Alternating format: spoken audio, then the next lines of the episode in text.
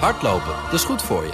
En Nationale Nederlanden helpt je daar graag bij. Bijvoorbeeld met onze digitale NN Running Coach... die antwoord geeft op al je hardloopvragen. Dus, kom ook in beweging.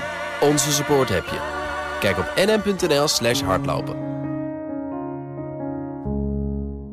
We gaan naar het belangrijkste nieuws over Oekraïne, de oorlog in Oekraïne, die de Russen daar hebben ontketend.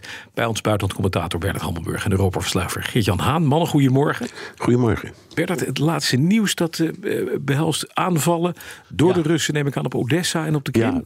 Ja, er zijn twee uh, berichten, allebei onbevestigd.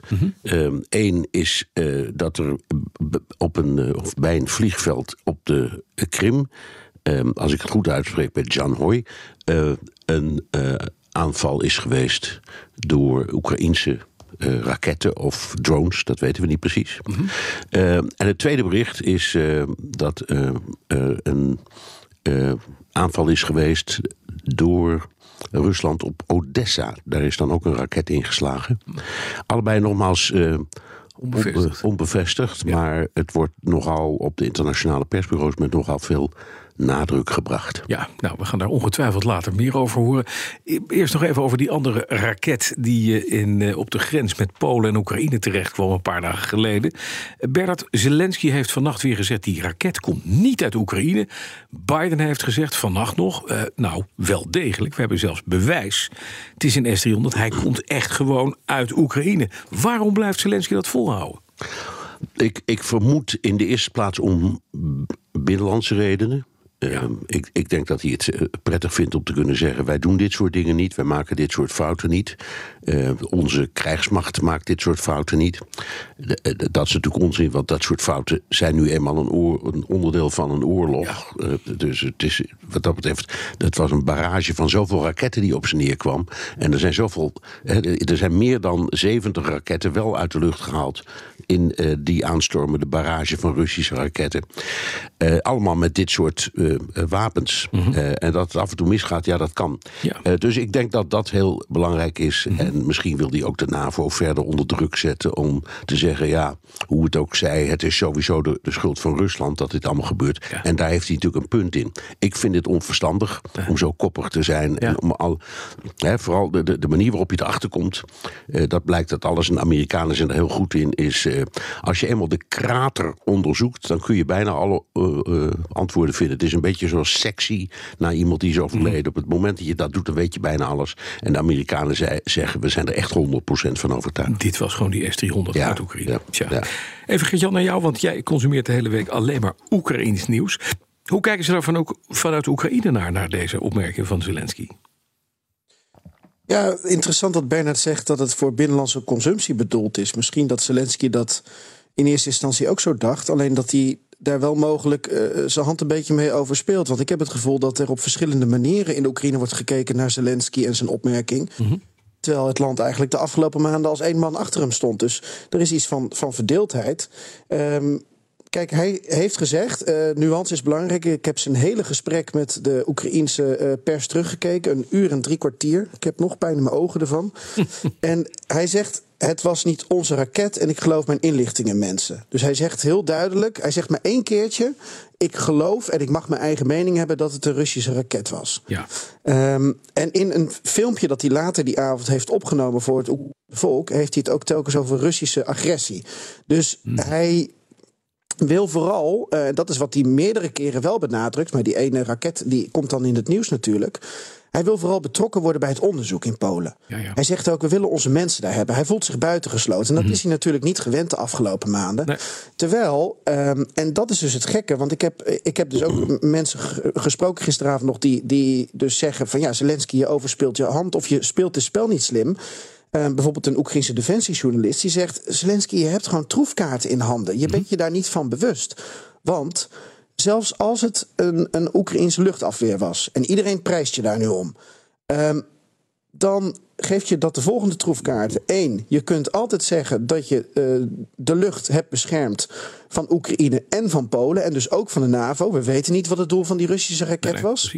Ja. Twee, je hebt met hele oude Sovjet-raketten uh, lopen spelen. Omdat je niks anders hebt. Dus pleit maar weer voor die nieuwe moderne westerse wapens. Mm -hmm. En drie, uh, uh, zorg ervoor dat de NAVO, en volgens mij zijn die plannen er nu ook, dat die um, uh, hele goede luchtafweerapparatuur ook langs die grens met Oekraïne uh, plaatsen. En uh, nou ja, doe dan je lobby om misschien voor West-Oekraïne een deel ervan mee te pikken op een of andere manier. Maar er zijn dus mensen die zeggen: je speelt het verkeerd. Ja, precies. Even naar een, een ander ding. Uh, even Bernard, naar jou. Want een verhaal van Reuters. Dit jaar zijn er meer dan 400 Russische spionnen in Europa uitgezet. Meldt MI5, dat is de Britse spionagedienst. En de employé van de, de of employeert uh, James Bond volgens mij. Maar is dat, is dat een grote klap? 400 ja, dat, ja, Russische solda- uh, spionnen? Ja, dat, dat, dat, is een grote klap. Het, het uitwijzen van spionnen, die meestal opereren onder cover, dat, dat gebeurt vaak. Hè, maar dat zijn dan plukjes en soms dan grote plukken. Maar 400 is echt heel veel. veel. Ja. Ik had het gisteravond met Geert-Jan erover toen dat bericht ehm, kwam. En we waren het eigenlijk over eens dat wat, wat wordt genoemd HUMINT, Human Intelligence. Dus gewoon ouderwetse, jij noemt James Bond, maar ouderwetse spionnen. Dat, ja. dat, dat is eigenlijk uh, uh, nou, niet, meer, niet meer zo hip. Want tegenwoordig wordt spionage voor een groot deel gedaan via cybermiddelen. Cyber, ja. um, maar uh, in de, de, de, Russen die vertrouwen nog zeer op um, mensen ter plaatse. Op zogenaamde sleepers. Hè, mensen die niks doen voordat ze opdracht, totdat ze opdracht krijgen uit Moskou om in actie te komen. En dat is een behoorlijk groot netwerk. Ja, en dat, dat, dat, dat, dat is Europa klaarblijkelijk systematisch aan het oprollen. Ja. Hm. Uh, en dat, dat, dat zet de Russen echt wel even terug. Tenminste, dat uh, geeft Jan, dat is toch onze indruk, hè? dat het echt een dreun is. Ja, eh, volgens mij eerder een keer eh, door Tsjechië 90 man uitgezet. Maar dat is de grootste klap die ik me uit mijn hoofd kan herinneren. Maar het, het kwam deze week ook weer terug, Bas, in de Oekraïnse media. Die, uh, die menselijke um, uh, inlichtingenvergaring. Want nou ja, Gerson is natuurlijk uh, afgelopen week bevrijd. Ja. Maar is ooit uh, vrij makkelijk in Russische handen gekomen. Omdat dat verliep zoals Poetin het wellicht in gedachten had. met betrekking tot de Humint. Want er waren dus een heleboel mensen die daar dubbelspel speelden. Ja. En zo kon hij die stad snel hm. voor zich winnen. Ja. En uh, deze week nog is er allemaal bewijs weer voor boven tafel gekomen. Zelensky heeft toen allemaal mensen van de inlichtingendienst er ook uitgeknikkerd.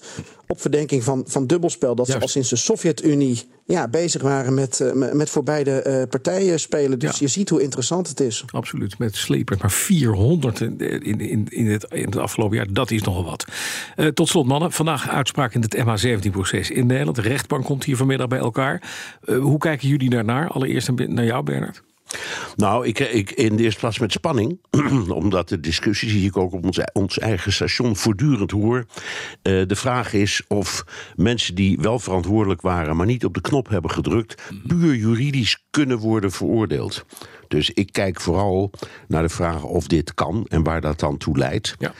Um, dus het is, ik vind het juridisch vooral spannend. En het is in elk geval voor de nabestaanden uh, een heel belangrijk uh, moment. En daar moeten we voortdurend aan denken. Hè. Rutte heeft geloof ik uh, alles gezegd. Behalve Oekraïners is het grootste aantal slachtoffers, buitenlandse slachtoffers in deze oorlog Nederlanders. Uh, en daar heeft hij gelijk in, want dit, dit, dit was op het moment dat eigenlijk die oorlog al was begonnen, in 2014. Dus zo kijk ik ernaar. Um, ik ben ontzettend benieuwd. Nou, ik neem aan dat, dat, dat Geert-Jan vooral naar Oekraïnse media heeft gekeken. Ja. Dus ik, uh, ja, daar weet ik eigenlijk nou, hoe die ja, Geert-Jan. Maar misschien wel met hetzelfde idee. Namelijk dat het niet alleen om deze poppetjes gaat. Maar dat, dat we met z'n allen toch benieuwd zijn of uh, de rechter op een of andere manier, als hij iets over die po uh, poppetjes zegt, of daarmee een link kan worden gelegd met uh, of de boek daadwerkelijk vanuit Rusland is gekomen op initiatief van Rusland. Uh, en van, van het Kremlin bijvoorbeeld. En er loopt nog een andere rechtszaak die Nederland volgens mij heeft aangespannen tegen de Russische staat. Europees uh, Hof voor de Rechten van de Mens in Straatsburg. Um, ja, die kunnen in elkaars verlengde gaan liggen. En daar kijken ze ook in de Oekraïne natuurlijk in spanning naar. Kun je de Russische staat daadwerkelijk voor iets aanklagen? Kun je het Kremlin aanklagen voor oorlogsmisdaden? Ook als daar misschien um, uh, niet 100% waterdicht bewijs voor is. Um, ja, dat is wel de spanning waar ze naar kijken. Dus, dus die is misschien wel vergelijkbaar. Hardlopen, dat is goed voor je. En Nationale Nederlanden helpt je daar graag bij. Bijvoorbeeld met onze digitale NN Running Coach... die antwoord geeft op al je hardloopvragen.